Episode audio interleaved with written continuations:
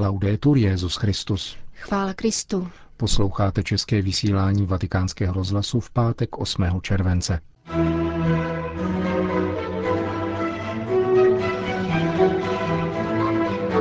Mučednictví Josefa Mayer Nusera za odpírání vojenské přísahy Hitlerovi potvrzují mimo jiné papežem dnes schválené dekrety Kongregace pro svatořečení. Padly rozsudky vatikánského tribunálu za krádeže interních dokumentů svatého stolce. A o spovědníkovi, kterého často dává za vzor papež František, uslyšíte v samém závěru našeho dnešního pořadu, kterým provázejí Milan Glázer a Jana Gruberová.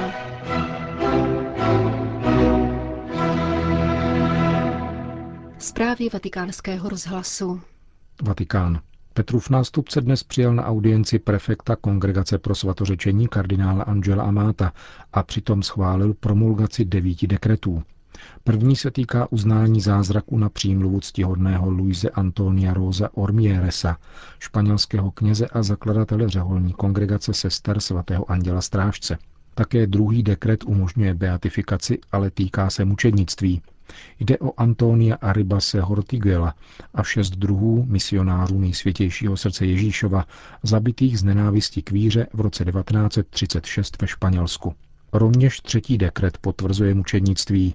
Tentokrát jde o lajka, otce rodiny Josefa Mayer Nusera, rodáka z Bolzána, který kvůli své křesťanské víře odmítl jako idolatrii přísahu věrnosti až na smrt Adolfu Hitlerovi, když byl na sklonku války násilně odveden do armády. Byl odsouzen jako defétista a zemřel při transportu do koncentračního tábora Dachau 24. února 1945. Dalších šest dekretů potvrzuje hrdinské ctnosti zasvěcených osob. Jsou jimi biskup Alfons Gallegos ze Spojených států amerických, který žil v letech 1931 až 1991, patřil k řádu augustiniánů eremitů a působil v kalifornské diecézi Sacramento. Dále španělský diecézní kněz Rafael Sánchez García, který žil v letech 1911 až 1973 františkánský bratr Andrea Filomeno Garcia Acosta z Kanárských ostrovů, žijící v letech 1800 až 1853. Italský řeholní kněz Giuseppe Marchetti, člen kongregace misionářů svatého Karla, žijící v letech 1869 až 96. Františkánský kněz Giacomo Viale, farář v Bordigera, který žil v letech 1830 až 1912. A konečně italská řeholnice Maria Pia od kříže, vlastním jménem Madalena Notáry, zakladatelka řeholní kongregace Suore Crocifisse Adoratrici delle Eucharistia, žijící v letech 1847 až 1919. Vatikán.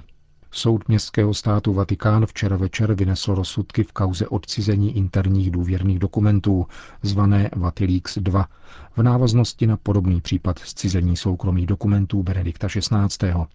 Po osmiměsíčním procesu a 21 stáních soud zprostil viny dva italské novináře Gianluigiho Nuciho a Emiliana Fittipaldiho, kteří zmíněné odcizené dokumenty knižně publikovali – Osvobozující rozsudek byl vynesen také v případě vatikánského zaměstnance Nikoli Majo, zatímco s těžšími tresty odcházejí dva členové Komise pro ekonomicko-administrativní otázky svatého stolce.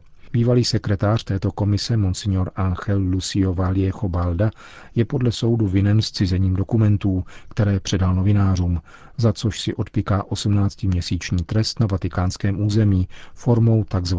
polosvobody. Španělský kněz bude trávit část dne mimo vězeňské zařízení za účelem pracovní činnosti nebo studia. Za spolupachatelství na trestném činu zcizení důvěrných dat byla na deset měsíců odsouzena také členka zmíněné komise Francesca Immaculata Šaukijová, která se v průběhu soudního řízení stala matkou zdravého chlapečka Petra a které soud povolil podmíněný odklad výkonu trestu na dobu pěti let. Vatikánský soud všechny obviněné zprostil obžaloby z přečinu zločinného spolčení podle článku 248 Vatikánského trestního zákoníku. Soudní kolegium v rozsudku vyzdvihuje svobodu slova a myšlení ve Vatikánu, která je ukotvena a zaručena božím právem a zároveň ustavuje třídenní odvolací lhůtu proti vyneseným rozsudkům.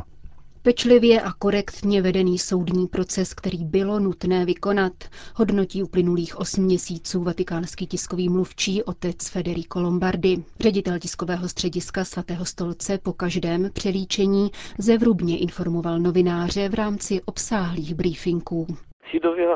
Proces bylo třeba vykonat, tím spíše, že existuje jeden zákon, navíc docela nedávný z roku 2013, který byl vynesen právě na zamezení úniku důvěrných dat.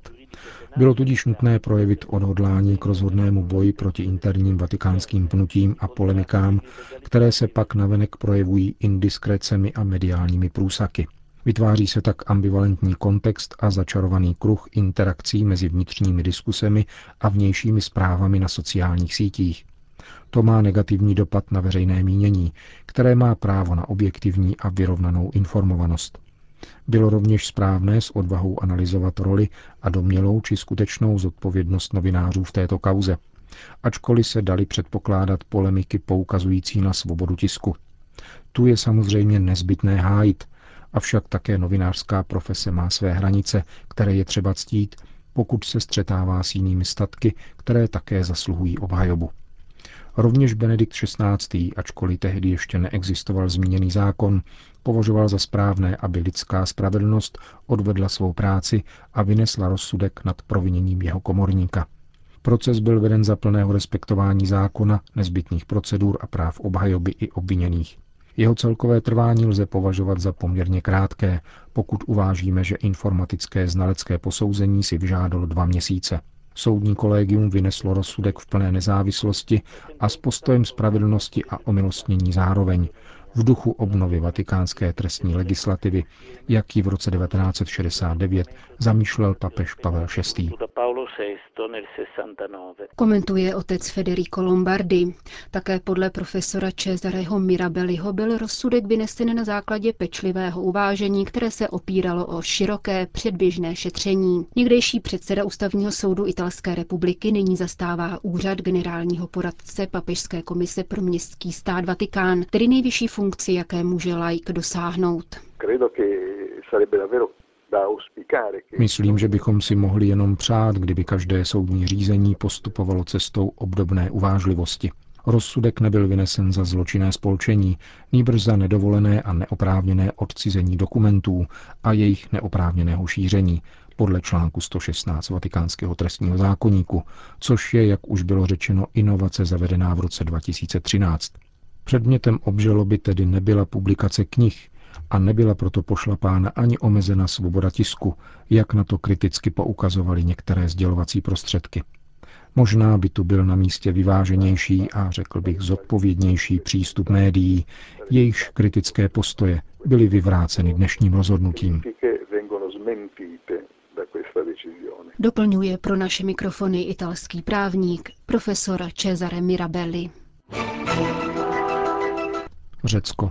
Aténský katolický arcibiskup Sebastianus Rossolatos popsal pro vatikánský rozhlas situaci, jež nastala v Řecku ve spojitosti s přesídlováním lidí do prostoru Evropské unie. Jde o neřešitelný problém, říká představitel řecké katolické menšiny, protože poskytneli se 50 tisícům uprchlíků, kteří jsou nyní v Řecku plná integrace, vzbouří se místní obyvatelé, jejichž rodiny žijí ve velice ubohých podmínkách. Neexistuje žádný vládní ani unijní program, který by v Řecku vytvářel pracovní místa a ani imigranti, kteří přišli během posledních 20-30 let, dosud nebyli do zdejší společnosti plně začleněni. Uprchlíci nejsou součástí společnosti, žijí na jejím okraji, a to v mizerných podmínkách. Jde o obrovský problém, který se přidává k již tak dramatické situaci samotných řeků a těch migrantů, kteří přišli před 20 až 30 lety. Ani oni nemají stálou práci a mají platit daně, které jsou obrovské a letos byly ještě navýšeny. Jaká je situace v Aténách? Uprchlíci jsou nejenom v Aténách, jsou rozmístěni v různých částech Řecka ve sběrných táborech. Ne všichni ovšem do těchto táborů vstoupí. Mnoho stanů proto ještě stojí v Pirejském přístavu. Avšak i ti, co jsou ve sběrných táborech, jsou zoufalí, bouří se, často dochází ke střetům a v odpověď zakládají požáry. Charita může dělat jen málo, pokud neexistuje program vlády ani Evropské unie. Nyní žádný takový program neexistuje. Jaká je role církve v této chvíli dvojité krize? Poněvadž lidé a rodiny schudly, schudly také farnosti a diecéze, které nejsou sto poskytovat pomoc. Biskupové nemají peníze na nic, ani pro kněze. Církev je nyní zcela zubožená. Uprchlíci, kteří přišli během posledních dvou let, byli poslední kapkou, která stížila už tak obtížnou situaci, která trvá již 30 let. Říká aténský katolický biskup Sebastianos Rossolatos. Konec zpráv.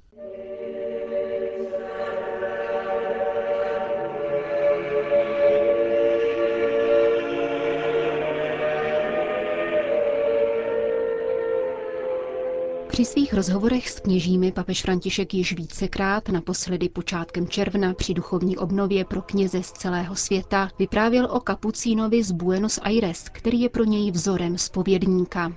Před spovědnicí má vždycky frontu, spovídá celý den a odpouští hodně. Odpouští, ale někdy má skrupuly, že odpustil příliš. A jednou, když jsme spolu mluvili, mi řekl, že trpí touto skrupulí. A já jsem se jej zeptal, a co potom s tou skrupulí děláš? Jdu před svatostánek, dívám se na pána a řeknu mu, pane, odpust mi, dnes jsem odpouštěl moc. Ale aby bylo jasno, je to tvoje vina, protože to ty si mi dal špatný příklad. Vatikanista z italského deníku La Stampa Andrea Tornieli se za tímto spovědníkem vypravil. 89-letý otec Luidli, někdejší provinciál kapucínů v Rio de la Plata, je dnes spovědníkem na plný úvazek v Buenos Aireském kostele Pany Marie Pompejské s úsměvem vzpomíná na své setkání s kardinálem Bergoliem, které se odehrálo několik let před jeho nástupem na Petrův stolec a na svá tehdejší slova. Je vidět, že na něho zapůsobila. Papež totiž ví, že trávím ve spovědnici hodně času, hodiny ráno i večer. Musím papeži Františkovi poděkovat za důvěru, kterou si vůbec nezasloužím. Nestudoval jsem, nemám žádný doktorát, nemám vlastně vůbec nic ale život mne hodně naučil a také mne poznamenal, protože jsem se narodil velmi chudý. Svěřuje se argentinský řeholník italskému novináři. Proto, jak dodává, cítí povinnost nalézt pro každého slovo milosrdenství, pomoci, blízkosti. Nikdo nesmí odcházet a přitom si myslet, že nebyl pochopen, anebo dokonce vnímat odmítnutí či pohrdání. Otec Luis již léta tráví alespoň sedm hodin denně v malé spovědnici. Drží v rukou růženec a zůstává, jak říká, dokud v neděli nezhasnou svíčky a dokud lidé potřebují. Jakou radu by dal spolubratřím ve spovědnici? To, co říká papež, odpovídá, nemám co dodat, protože cítím a prožívám to též. Milosedenství, pochopení, vložit se celé do naslouchání, abychom rozuměli, abychom se tak říkajíc ocitli v kůži druhého člověka a pochopili, co se mu děje, Nesmíme být, mnou počínaje, funkcionáři, nýbrž projevovat výjimečnou blízkost a laskavost, protože lidé někdy vlastně ani dobře neví, co je to spověď.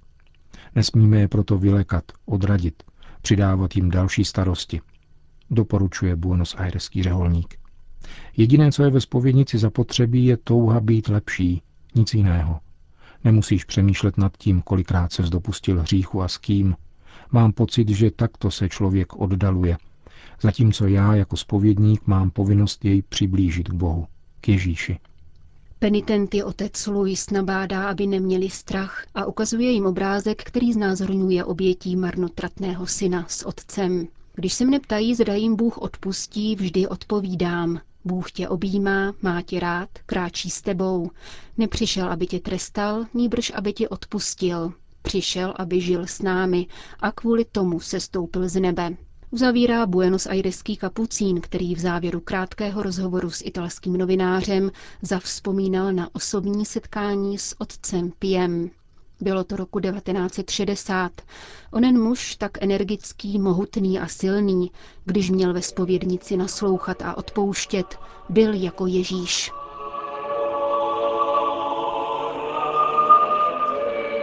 Končíme české vysílání vatikánského rozhlasu. Chvála Kristu. Laudetur Jezus Christus.